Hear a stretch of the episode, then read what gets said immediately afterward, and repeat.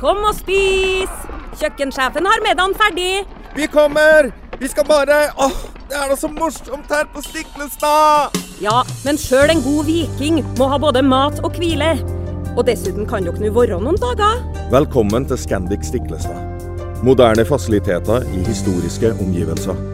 Det var her det skjedde. Det er her det skjer.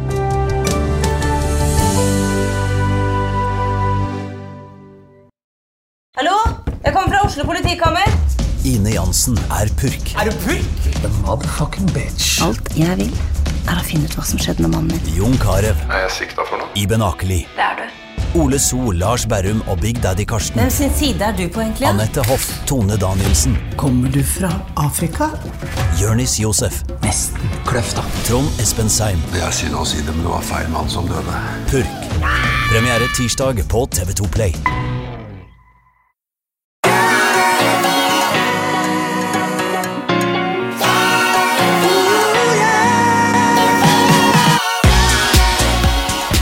Velkommen til uh, Jernsterk. Ole Petter, vi må jo være litt sånn politisk engasjert, tenker jeg. Vi har jo eh, engasjert oss og hisse, jeg vil ikke akkurat si at vi har hisses, hisset oss opp, eh, men vi har jo irritert oss litt over dette mm, med at de ikke skulle gjennomføre den opprinnelige planen med fysisk aktivitet i skolen, blant annet, som opprinnelig var vedtatt. Og nå kommer sukkeravgiften, eh, og det er jo eh, altså, Og nå, altså for kort tid siden, så ble jo da denne sukkeravgiften og alkoholavgiften eh, til, som myndighetene den, den ble da tatt vekk. Eller vedtatt å fjernes. Um, og det er, jo litt, litt spennende, for det er jo noe med kost-nytte her, da.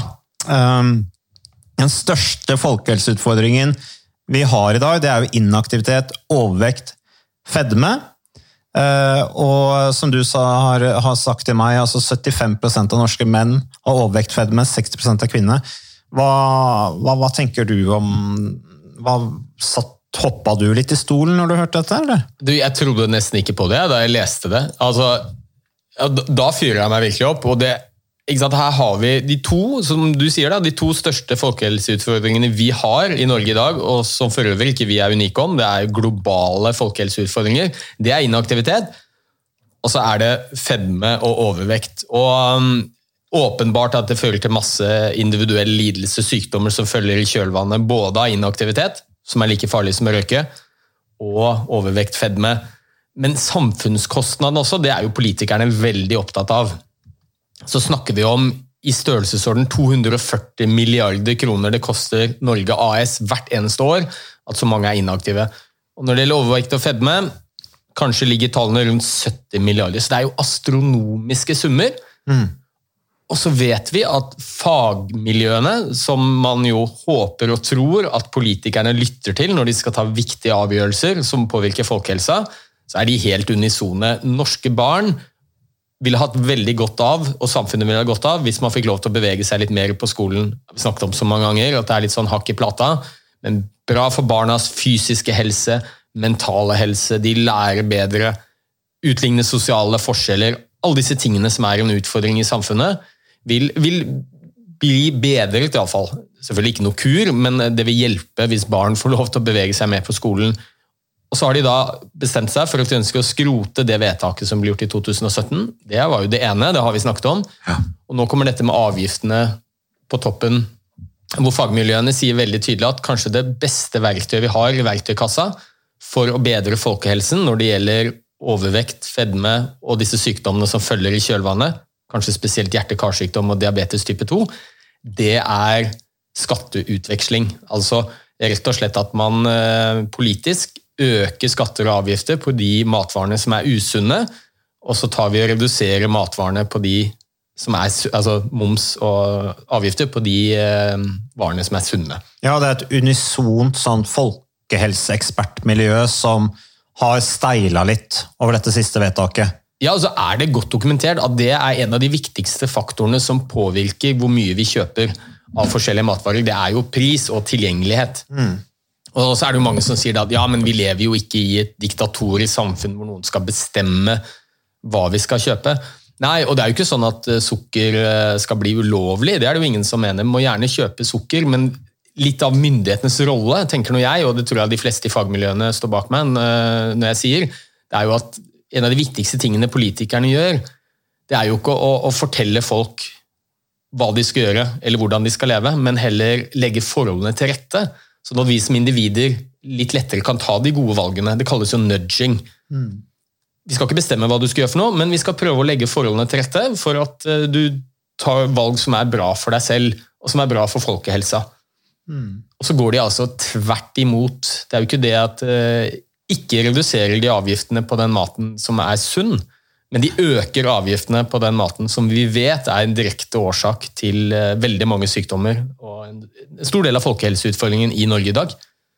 Men grunnen til at de gjør det, det må jo være en slags sånn politisk hestehandel eh, her, og det vet du kanskje mer om enn meg, men jeg tenker jo et av målene må jo være å begrense eh, grensehandelen, ikke sant? Lekkasjen til Sverige. Vi har jo nå hatt med covid-19 så har vi jo sett hvordan dagligvarebransjen i Norge virkelig har gjort det bra i den perioden vi har hatt, at det har ikke vært de der handelslekkasjene til, til Sverige. Men det må jo være bra å prøve å, å, å jobbe sånn at norske bedrifter eh, gjør det bedre? Ja, og det, det er jo ikke noe vanskelig å se at her er det flere ting, man må, flere faktorer man må ha i hodet samtidig.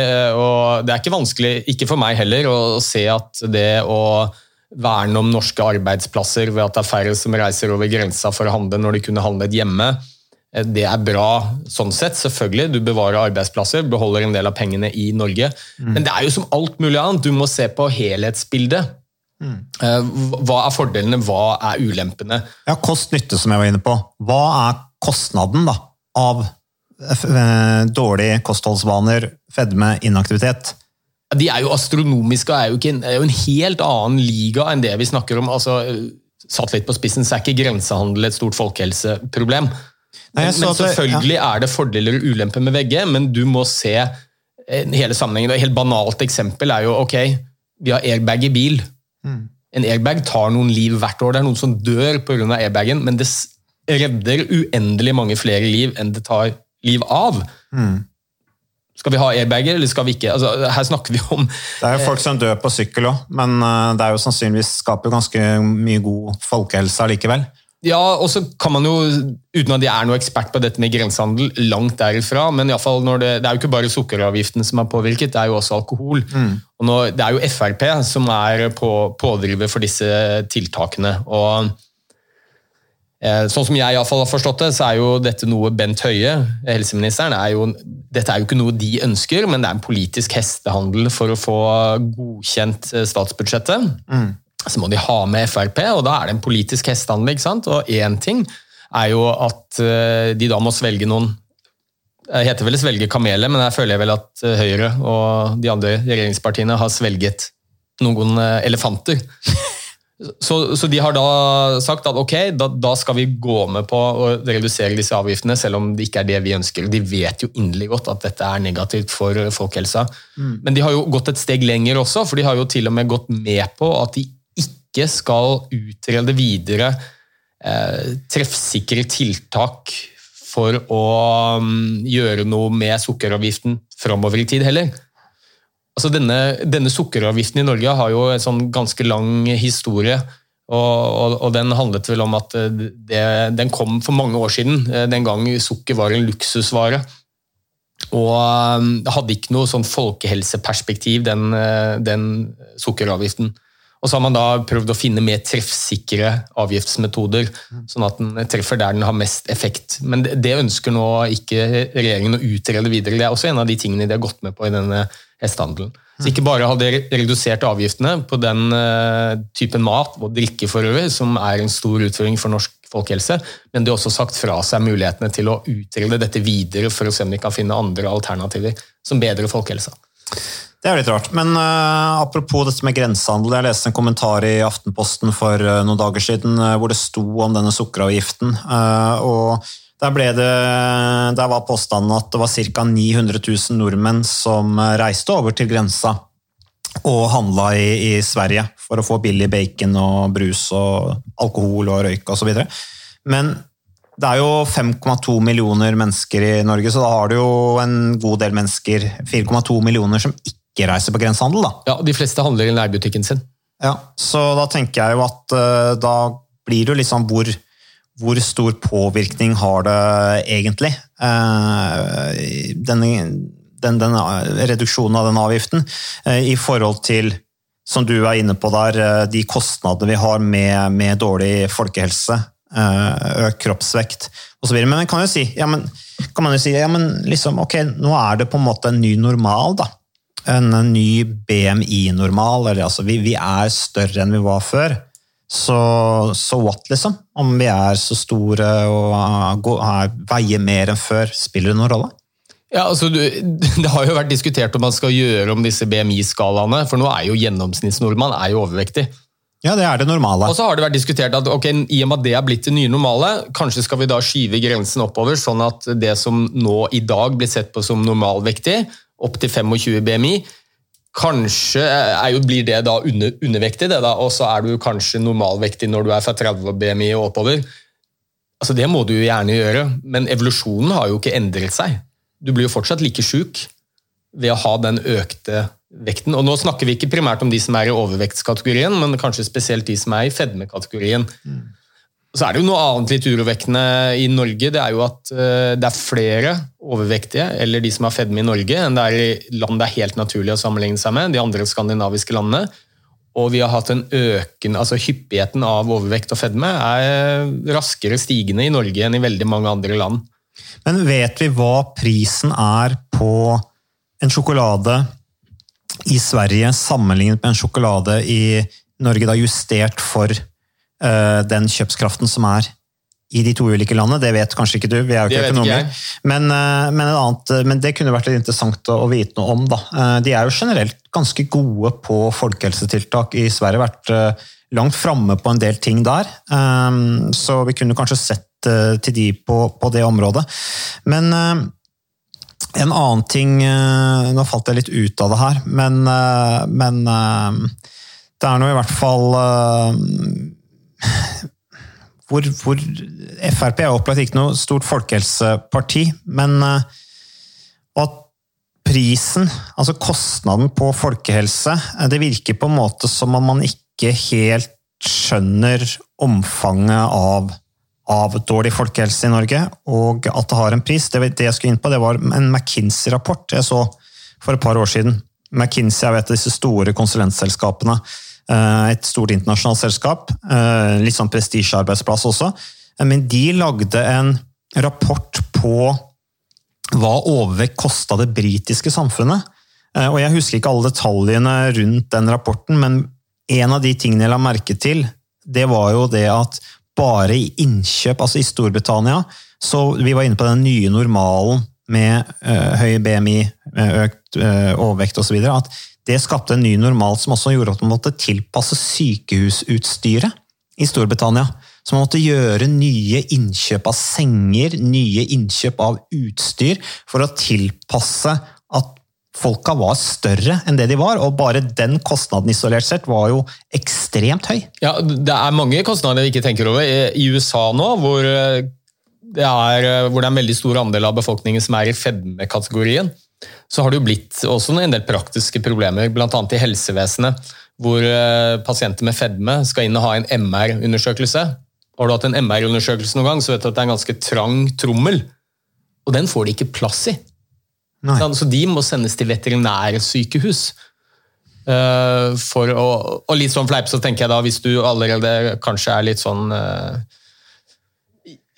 skjemmes litt over vekten din, og så sitter du på venterommet ved siden av en hest uh, og venter på MR-undersøkelse, så ja. Kan godt tenke meg at det, det er litt sånn mentalt belastende. Nei, men akkurat denne avgiften her, jeg tenker nå at Frp er jo ikke jeg spesielt overrasket over, jeg vet at de ikke er et folkehelseparti, men at regjeringen går med på det. De har jo forpliktet seg til å prøve å redusere andelen av ikke-smittsomme sykdommer. Dvs. Si disse livsstilssykdommene våre, hvor eh, hjerte-karsykdom, diabetes type 2 f.eks. er de viktigste.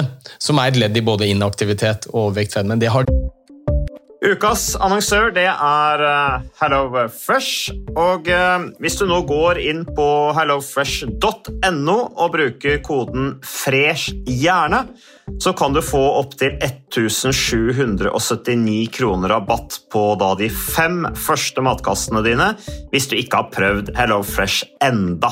Og Ole Petter, vi er jo glad i Hello Fresh i podkasten Jernsterk, selvfølgelig fordi at de er en annonsør. De er med og bidrar til å spre det glade ordet om fysisk aktivitet og god helse, men i tillegg så har jo vi også nå lang erfaring med Hello Fresh eh, selv, så vi må jo si at det har vært gode erfaringer til nå. Ja, absolutt. Visste du Mats, at HelloFresh det er faktisk verdens ledende matkasseleverandør? og Tilbudene til HelloFresh gjør det enkelt å lage gode og varierte retter som skaper matglede. Og matglede vet du, det er like viktig som hva du putter i munnen. Det å spise mat med folk du trives med. Så gjennom 25 nye og inspirerende retter hver uke så bidrar HelloFresh til dette. Du kan bestille ekstra porsjoner om du får gjester, eller hoppe over uke hvis du f.eks. skal bort. Og Det er ingen bindingstid, og du velger leveringstidspunkt og dag selv, så leverer Hello First matkassen din akkurat når det passer deg. Ikke dårlig, Mats. Nei, det er veldig bra. Så, og dette er med enklere hverdag, det kan jeg nå skrive under på. For nå, forrige erfaring vi hadde forrige uke, Ole Petter, det synes jeg var Det var jo et gjennombrudd for familien Kaggestad. For da lagde rett og slett barna de lagde middag og serverte middagen, så den var ferdig laget og servert da når eh, min kone Marita og meg kom hjem fra jobb. Og jeg mener Det var jo bare helt utrolig. Eh, det var helt fantastisk. Det ble en nydelig middag. Riktignok de, de, de, de roter og søler litt, det gjør de. Så, men, men, maten ble veldig god. De var veldig stolte over å kunne ha både laget og servert maten, så det var helt fantastisk. Så vi har jo da i det siste så har vi eh, spist eh, bl.a. sitron- og dillstekt hyse med ovnsbakte grønnsaker og aioli. Eh, vi har spist middelhavsinspirert kylling. Taco, så finnes det mange ulike typer taco. F.eks. vietnamesisk taco, som vi har spist. Thailandsk vegetargryte. Veldig riktig og sunt uh, i dagens uh, samfunn med, med, fokus på bærekraft. Hvitløk og chilistekte reker i spagetti, det var definitivt en vinner. Så det er så flott. Du får rimelig mat ved at du kun betaler for det du trenger, så det blir ordentlig feststemning med Hello Fresh. Det gjør det, og nå er det bare for deg å gå inn på hellofresh.no og bruk koden FRESH hjerne'. Da får du opptil 1779 kroner rabatt på de første fem matkassene dine, hvis du ikke allerede har prøvd HelloFresh. Du kan også bruke rabattkoden hvis du har stoppet abonnementet ditt for tolv måneder siden eller mer. Er det noe å lure på? Håper maten smaker godt. Bon appétit! De forpliktet seg til å prøve å redusere. Mm. Og da har du jo noen verktøy i verktøykassa di. Og nå tror jeg da at de har fjernet noen av de viktigste verktøyene. Eh, dette med fysisk aktivitet hos barn. Mm. Vi vet aktive barn blir aktive voksne To, så har du fjernet disse virkemidlene du har med skattepolitikken. Hvor du kan gjøre det lettere for oss å ta de gode valgene og kjøpe mer sunn mat som er billigere, og holde oss i større grad unna usunn mat. Og så kan du jo si at ja, men vi lever jo i et fritt samfunn, og vi må få lov å bestemme sjøl. Ja, eh, vi gjør det, men all erfaring tilsier jo at et sånn samfunn vil jo ikke fungere på noen plan. Vi har masse lover og regler som vi må forholde oss til i samfunnet i dag, sånn som det er. Og Vi kan jo ta ett eksempel. Det var jo denne røykeloven som kom. Det var jo et forbud, og, og gikk mye lenger enn en sånn reduksjon i sukkeravgift eventuelt ville gjort. Mm. Og Da var det jo masse ramaskrik hvor ille det ville bli, og folk fikk ikke lov å bestemme selv, og utelivsbransjen ville gå konkurs. og det har ikke skjedd i det hele tatt, men det har vært helt fantastisk for folkehelsa. Mm. Vi har redusert andelen røykere fra noen og 30% til godt under 10 i løpet av noen tiår. Mm. Så, så, her mener jeg at regjeringen da har fjernet noen av de, de, viktigste verktøyene vi har for å påvirke folkehelsa i riktig retning. De har tatt de bort fra verktøykassa for å tilfredsstille Frp. Men eh, Ole Petter, nå er vi jo i, når vi spiller denne podkasten, så er vi i slutten av uh, det historiske året 2020. Uh, eh, alle år er jo historisk på en eller annen måte, men det har jo vært et veldig spesielt år. Det tror jeg de fleste er enige om. Men vi kan vel også konkludere med Ole Petter, at 2020 har vært et dårlig år for folkehelsa? Det har vært et dårlig år for folkehelsa. Og jeg, jeg, tenker at Det er litt relevant inn i dette med folkehelse også, hva regjeringen gjør nå når det gjelder covid-pandemien versus hva de gjør med andre ting som påvirker folkehelsa. det er jo helt historisk unikt, det som har skjedd i, i Norge og i så godt som alle verdens land dette året, hvor vi har måttet ty til drastiske tiltak for å hemme og redusere spredningen av, en, av et virus. Mm. Sånn at vi har stengt ned deler av samfunnet. Vi har holdt barn hjemme fra skolen, voksne er på hjemmekontor, vi stenger treningssentre osv. Vi får ikke lov til å se hverandre. Nei, og det har vi jo snakket mye om, så jeg skal ikke kritisere det. jeg Bare peke litt på et paradoks her. Altså Her har man jo bestemt at man skal sette alle kluter til. Koste hva det koste ville. Altså virkelig så skal vi gjøre alt det som står i vår makt for å hemme spredningen av dette virus. Mm. viruset. Uansett om folk mister jobben, må holde seg hjemme fra skolen, vi stenger, vi har sosial distansering, så er det, det er jo målet. Voldsom mobilisering. Og vi snakker om hundrevis av milliarder av kroner som er brukt både direkte for å stoppe spredningen og i stimuluspakker til de som, eh, som ikke har kunnet jobbe, og bedrifter som går konkurs osv. Så, videre.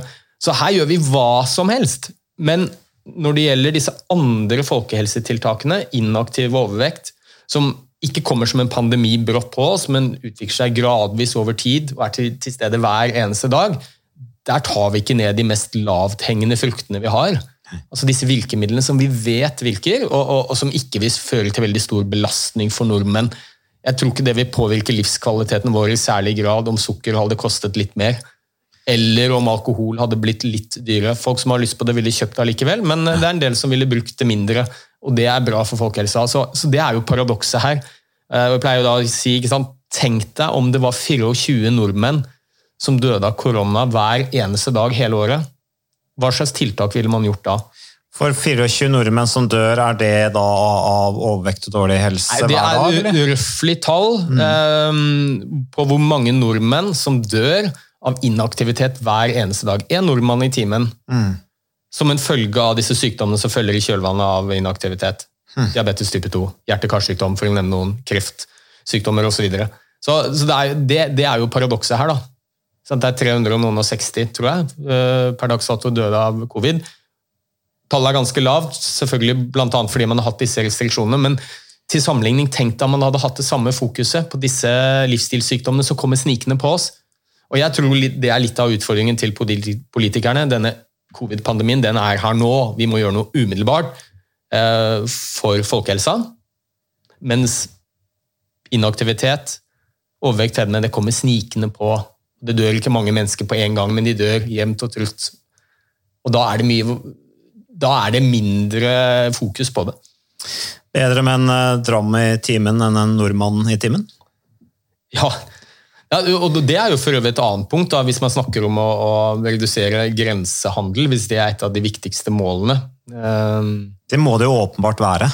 Ja, ja, for... Det må jo være noe med matvarebransjen, som jo selvfølgelig er en kjempestor og viktig industri i Norge. Ja da. Eh, Men, men, eh, men det, det må jo ha noe med det å gjøre. Det må, jeg kan ikke se noe annet argument enn at det er grensehandelen som er årsaken til hvorfor man skal gjøre og det.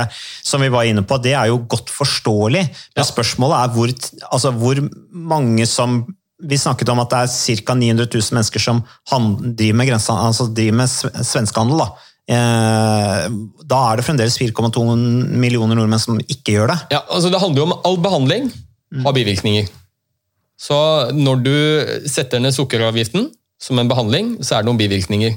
Men som i medisinens verden, skal du gi noen medisiner, så burde du være ganske sikker på at virkningen er større enn bivirkningene. Og her tror jeg det er helt motsatt. Ja, når du setter ned sukkeravgiften, så vil det være positivt sikkert for grensehandel, det vil være positivt for norske arbeidsplasser, men jeg tror det vil være katastrofalt faktisk for den norske folkehelsa. Mm. Og kost nytte igjen, da. Ja, Hva så- koster mest? Så bivirkningene er verre enn uh, de positive effektene av behandlingen. Mm. Ja, Ole Petter, det er eh, sånn sett, så da kan vi jo eh, konkludere som Ja, vi var inne på at det har vært et dårlig år for folkehelsa. Vi har dette vedtaket om fysisk aktivitet i skolen, det blir ikke noe av. Nå blir det sukkeravgiften, det blir eh, tatt vekk. Og i tillegg så har jo pandemien ført til mindre fysisk aktivitet generelt i befolkningen. Det er det undersøkelser som viser. Så hva mer ville du legge til på det? Nei, du, jeg hadde lyst til å um, legge til at uh, det myndighetene, eller regjeringen har gjort, da, fordi Bent Høie har jo blitt konfrontert med dette her, annet av Mina Gerhardsen, mm. generalsekretæren i Folkehelsa. som har vært veldig kritisk, sammen med andre, eh, rundt dette med sukkeravgift.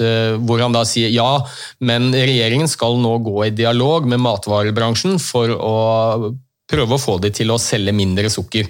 Og Da tenker jeg Tror han vi er dumme? Eh, Altså, du skal altså gå til matvarebransjen og si at nå har vi gjort sukker mye billigere, og dere selger mange produkter med, som inneholder sukker, men vær så snill å ikke selge så mye av det. Jeg tenker Det er jo, det er jo bukken og havresekken. Hvordan skal du få matvarebransjen, som lever av å selge, og som nå ser at en av de ingrediensene som de bruker i veldig mange matvarer, er blitt mye billigere? Selvfølgelig vil de pushe disse produktene i mye større grad. Så det er liksom veldig lite forpliktende fra regjeringen. Da. Aller først fjerne de verktøyene, de beste verktøyene vi har fra folkehelsekassa. Og så i tillegg da få oss til å tro at ja, men med dialog med matvarebransjen så skal vi nok se at vi klarer å få ned sukkernivået likevel. Det, det tror jeg ikke det er noen, iallfall ikke fagmiljøene, som, som tror på. Jeg tror effekten av dette blir at eh, vi kommer til å få enda et økt inntak av sukker. Men jeg tror jo til en viss grad at det private, private initiativ i forhold til eh, Du kan gjerne kalle det hva som er på moten, da, hva folk vil ha. Det vil jo også dreie matvarebransjen i en retning i forhold til å nå et marked. Og sånn sett så vet jeg jo at uh, matvarebransjen, f.eks. Orkla Foods, som jeg kjenner litt, uh, som jeg har jobbet for også, bare for å legge til det, de, de ønsker å lage matvarer som er i tiden. Eh, Og hvis det da er eh, De er jo opptatt av dette med eh, å nærme seg sunne matvarer fordi de ser et økende marked for det. Så, så, så tror jeg de er litt så er, jo de, er jo de bevisst det. Men, men det er klart det sender jo litt feil signaler, kanskje, da, fra, fra politikerne. Ja, da, og jeg, det, det tror jeg er helt, helt sikkert, at hva kundene ønsker, det er jo viktige eh, drivende faktorer for hva produsentene lager, selvfølgelig. Men jeg tror hvis vi virkelig skal få sving på det, så holder det ikke med hva forbrukerne bare ønsker. Vi må ha hjelp av politikerne også. Mm. Til å legge forholdene litt til rette, for å, som jeg har sagt flere ganger, at det blir litt lettere å ta de gode valgene.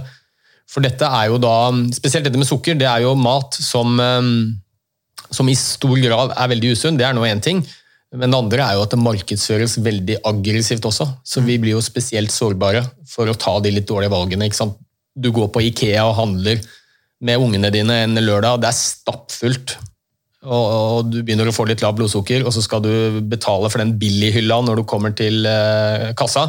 Og så ligger det altså noen sånne monsterstørrelser med Twix og Seimen og sånn ak akkurat ved kassa. Det har jo ikke noe med Ikea å gjøre, men de selger jo som hakka møkk, ikke sant?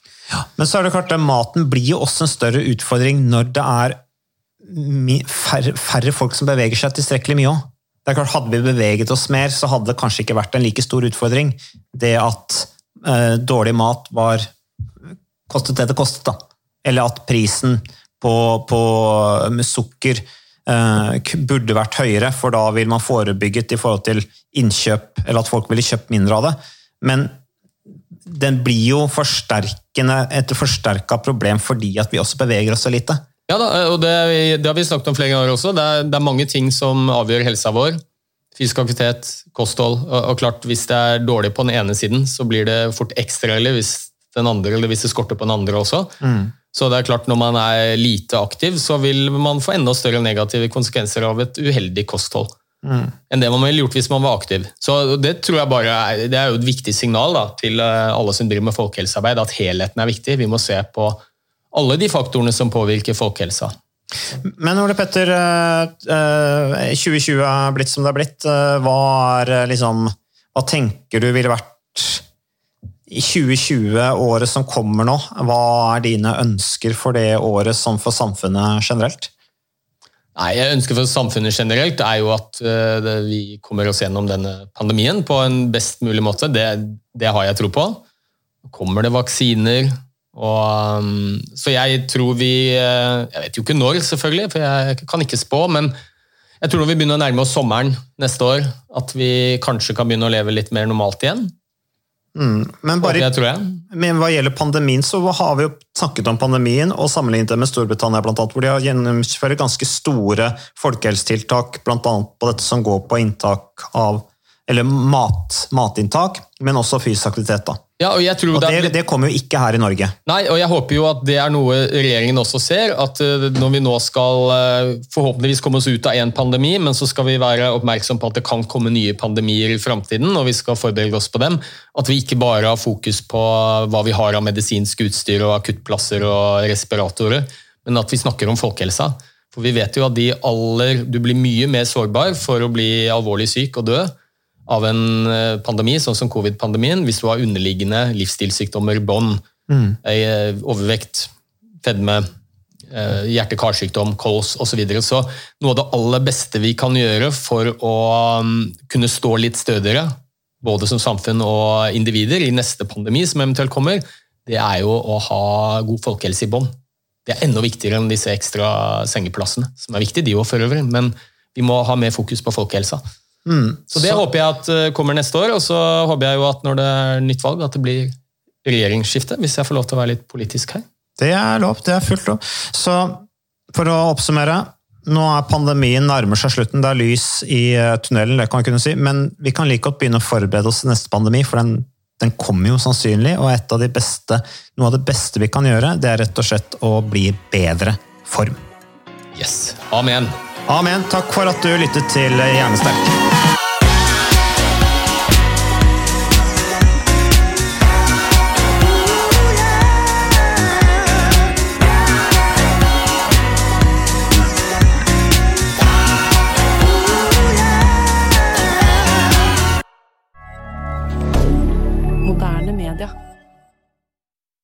Har du et enkeltpersonforetak eller en liten bedrift? Da er du sikkert lei av å høre meg snakke om hvor enkelt det er med kvitteringer og bilag i fiken, så vi eh, gir oss her, vi.